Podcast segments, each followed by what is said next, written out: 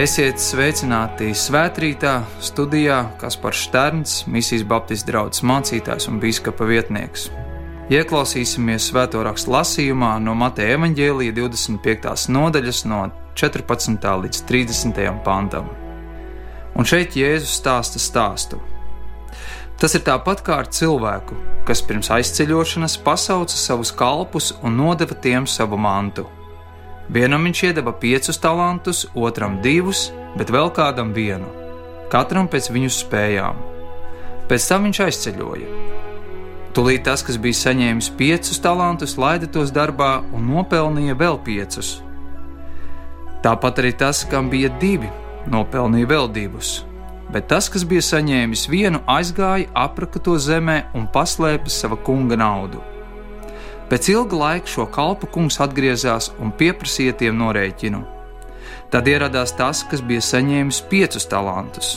Viņš atnesa vēl otrus piecus un sacīja: Kungs, tu man iedevi piecus talantus. Redzi, es esmu nopelnījis vēl piecus. Viņa kungs tam sacīja: Labi, mans krietnais un uzticamais kalps, tu esi bijis uzticams mazās lietās, es tevi iecelšu pār lielajām, ieej sava kunga priekā.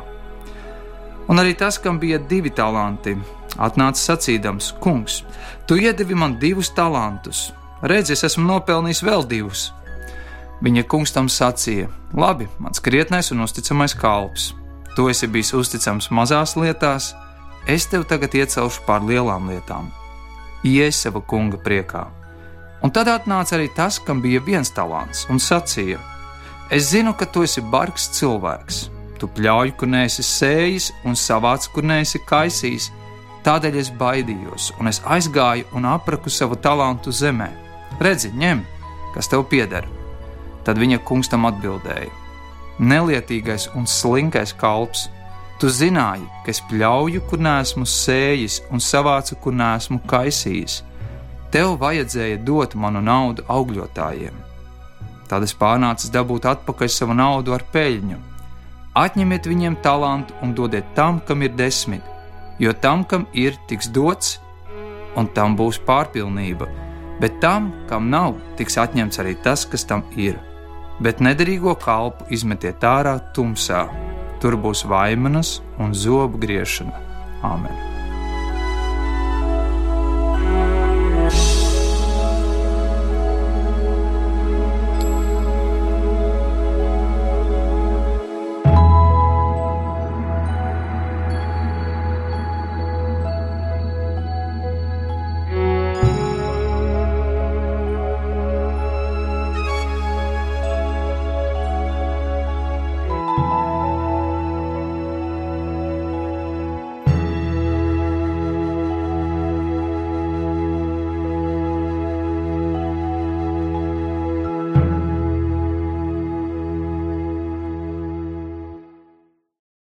Iesākoties eh, šim jaunajam gadam, man šķiet, šī ir ļoti laba raksturvieta un piemērota raksturvieta. Jēzus stāsta stāstu, tā ir līdzība, kurā viņš stāsta par kādu saimnieku, kurš sev piedarošo mantu izdala saviem padotajiem jeb kalpiem. Un šajā stāstā Jēzus vēlas parādīt, ka Dievs ir saimnieks, bet mēs savukārt cilvēki esam viņa kalpi.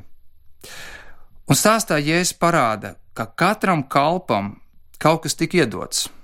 Neviens no šiem kalpiem nepalika bešā. Katram bija kaut kas, jā, tika iedots atšķirīgi. Un tam ir arī savs pamatojums, jo saimnieks zināja, ka katrs no šiem kalpiem ir ar savām spējām izlietot un pielietot to, kas viņiem ir dots. Un tam nav nozīmes, vai ir vairāk vai mazāk. Tas, kas tev ir uzticēts, tas tev ir uzticēts. Un līdzīgi arī mēs varam teikt, ka šodien Dievs mums katram kaut ko ir devis. Kādiem Dievs ir devis laulību, kādiem Dievs ir devis bērnus, un tādēļ viņi var veidot ģimeni, kādiem Dievs ir devis tādu lielisku resursu kā naudu, kādam savukārt ir īpaši apdāvināti ar kādām spējām un talantiem. Galu galā katram cilvēkam ir dots iespējas, un mums visiem ir kaut kas ļoti vērtīgs, ko Dievs mums ir devis un tas ir laiks. Šodien nav neviens cilvēks, kurš varētu teikt, ka viņam nav dot iespēja, vai viņam nav dots laiks. Dievs to ikvienam ir devis, jā, kādam tas ir vairāk, kādam tas ir mazāk.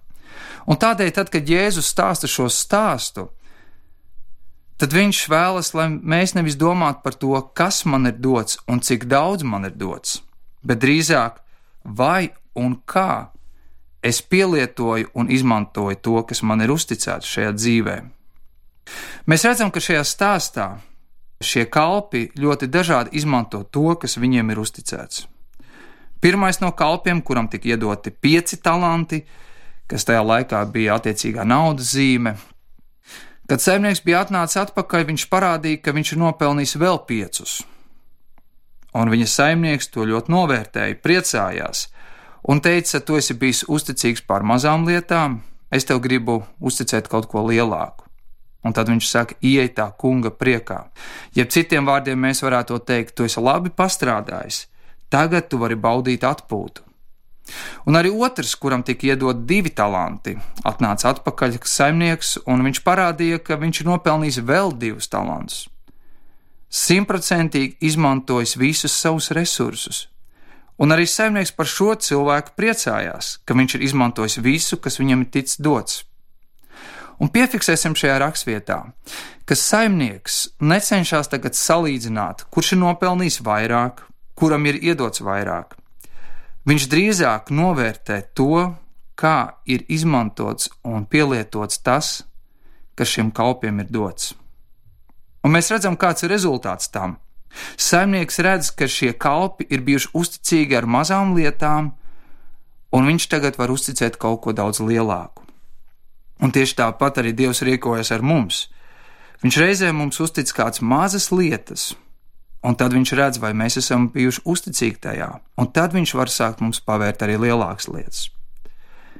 Bet tad šajā stāstā mēs redzam arī trešo kalpu, kuram tika iedots viens talants. Var jau būt, ka pirmā brīdī mums šķiet, nu jā, bet ir iedots taču tik maz. Varbūt uh, nav bijusi cita iespēja, varbūt man nav pietiekoši, Es taču ar to neko nevaru izdarīt. Ja nu es pazaudēju un izniekoju to, kas man jau ir, un tādēļ šis cilvēks izvēlas tā vietā nevis lai rīkotos un uzņemtos atbildību, bet viņš sāk meklēt attaisnojumus, un viņš aprok to pašu vienu, kas viņam ir dots. Un tad, kad atnāks saimnieks atpakaļ, viņš saka, ka viņam ir bijušas bailes, un tādēļ viņš to ir apracis. Šis cilvēks izvēlas nevis rīkoties, bet viņš sāk attaisnoties. Viņa gadījumā attaisnojums ir bailes, ka viņš pazaudēs, ka viņš investēs ne tur, kur tas ir vajadzīgs. Taču mēs redzam, kāda ir saimnieka reakcija. Viņu tas absolūti neapmierina. Viņš pat ir saniknots, jo viņš redz, ka kalps ir izniekojis to, kas viņam ir ticis dots. Un tādēļ pat mēs redzam, ka saimnieks pat nevis norāda uz viņa bailēm, bet viņš pat drīzāk parāda viņa slinkumu, ka viņš nav vēlējies izmantot to, kas viņam ir dots. Līdzīgi kā šis kalps, es domāju, tā arī šodien ir cilvēki, kas tā vietā, lai izmantotu iespējas un uzņemtos atbildību par to, kas viņiem ir dots, viņi sāk meklēt attaisnojumus. Piemēram, kādam tiešām ir attaisnojums bailes, bailes no nezināšanas, bailes izgāzties, bailes zaudēt. Kādiem viņa attaisnojums ir slinkums, Kāda savukārt izvēlas pat kaut ko vēl ļaunāku, vainot citus un būt skaudīgiem. Ir cilvēki, kas saka, jā, es nevaru, jo redz, man taču nav pietiekoši liela alga. Kāds cilvēks saka, es nevaru, jo es esmu precējies, es nevaru, jo man ir bērni, kāds saka, es nevaru, jo man nav bērni, Kāds saka, es nevaru, jo man nav izglītība, kāds saka, es nevaru, jo man nav pietiekoši liels status, kāds saka, es nevaru, jo man nav pietiekoši liela dzīves pieredze, kāds saka, es nevaru, jo es esmu pārāk jauns, kāds saka, es nevaru, jo es esmu pārāk vecs jau. Cilvēki var meklēt dažādus attaisnojumus un sākt vainot. Un tu nu vēl vari nonākt pie tā, ka cilvēks sāk vainot valsti, valsts varu. Tik bieži cilvēks nedarīšanai meklē attaisnojumus. Un arī mēs, varbūt kā latvieši, sākam sevi pieradināt pie domas, ka mēs esam maza tauta ar ierobežotām iespējām, vai tad mēs kaut ko varam izdarīt? Un līdzīgi kā šis viens kalps, tā arī mēs varam sākt aprakt savu laiku, mēs varam sākt izniekot savus attiecības, talantus, palaist garām iespējas, kur tā vietā Dievs sagaida no mums, ka mēs to izmantojam, attīstam un pat pavairojam. Pat tad, ja tas ir kaut kas mazs un vienkāršs. Tad, kad mēs sākam izmantot to, kas mums ir uzticēts, mēs kļūstam par cilvēkiem, kas nevis vaino un attaisno, bet mēs kļūstam par cilvēkiem, kas sākam uzņemties atbildību. Un šodien ir tik daudz, par ko ir nepieciešams uzņemties atbildību. Pirmkārt, jau Dievs grib, lai mēs uzņemamies atbildību paši par sevi. Dievs sagaida, ka mēs uzņemamies atbildību par savu laulību, ja esam precējušies. Ja mums ir bērni, Dievs sagaida, ka mēs uzņemamies atbildību par saviem bērniem. Gau galā Dievs sagaida, ka mēs uzņemamies atbildību par šo sabiedrību, un par mūsu valsti, kurā dzīvojam. Ir iesācies jauns gads, un daudziem no mums tas ir kā tāds punkts, kad mēs nospraužam jaunus mērķus, organizācijas uzņēmumi nosprauž jaunus budžetus, pieņemam jaunus izaicinājumus, un mums visiem šajā gadā tiks dotas ļoti daudz kas vērtīgs, un pirmām kārtām tas ir laiks. Laiks cilvēkam ir dots bez maksas. Tam nav cenas. Mums nepieder laiks, mēs varam to tikai izmantot. Laiku mēs pat nevaram ietaupīt vai apturēt, mēs varam to tikai lietot. Un kas ir pats svarīgākais, zaudēto laiku mēs nekad nedabūsim atpakaļ.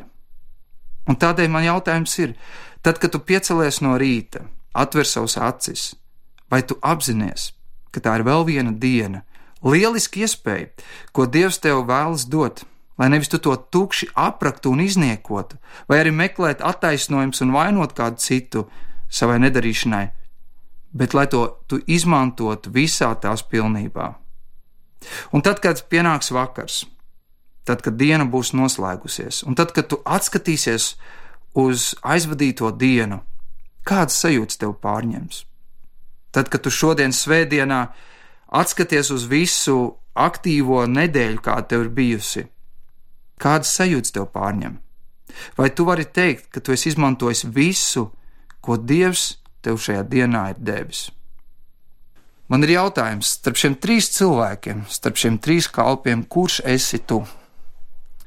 Varbūt tu esi tas, kurš izmanto ar vislabāko sirdsapziņu visas dieva dotās iespējas. Lieliski!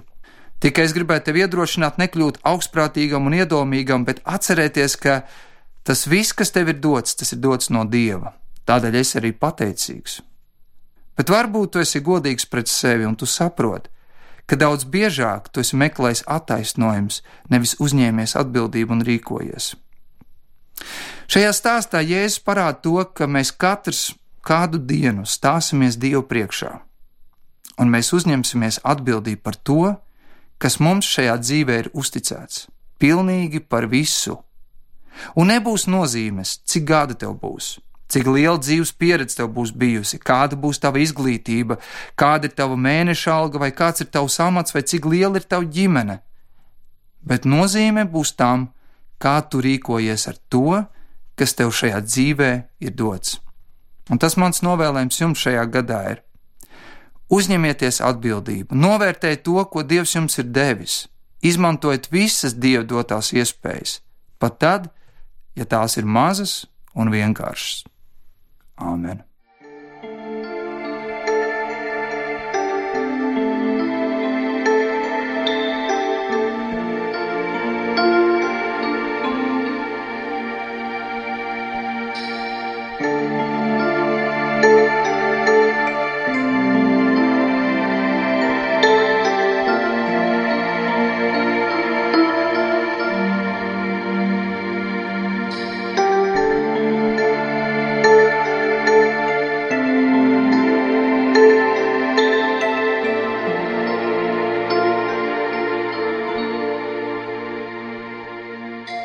Dievs, mēs Tev pateicamies par katru dienu, ko Tu mums dodi. Paldies, ka tā ir dāvana, tā ir iespēja, ko mēs varam izmantot nevis lai to tukši izniekotu, bet uh, lai tajā kaut ko radītu, veidotu, pavairotu un uh, lai gal galā caur to visu iepriecinātu tevi un pagodinātu tevi. Paldies par visu, kas mums ir dzīvē dots. Paldies par attiecībām, paldies par talantiem, spējām, paldies arī par materiāliem līdzekļiem, kurus tu mums dod, un paldies par tik daudzām iespējām. Palīdz Dievs tajā visā mums saskatīt, kas ir tavs plāns, kas ir tas, kas mums ir jāīsteno, kas ir tas, kas man ir jādara, lai tam būtu kāds mērķis un lai tam būtu jēga. Palīdz Dievs, ka katra diena ir nodzīvot tāda, ka tajā tu tiec pagodināts, un lai cilvēki tiktu iepriecināti un iedrošināti. Mēs Dievu lūdzam, pavadi un svētī mūsu to. Āmen!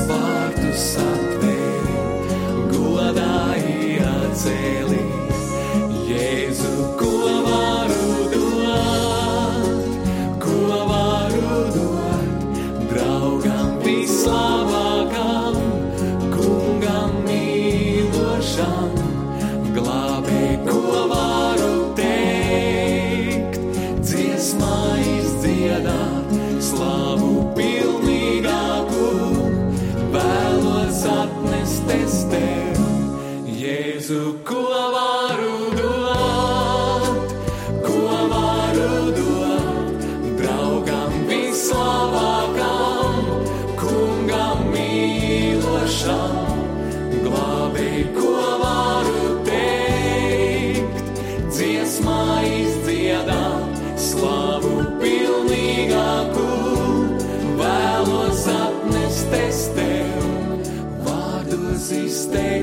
nav, ko sirds manā jūt. Savu pateicību kungs es pienesu tev. Vārdos izteicams nav, ko sirds manā jūt.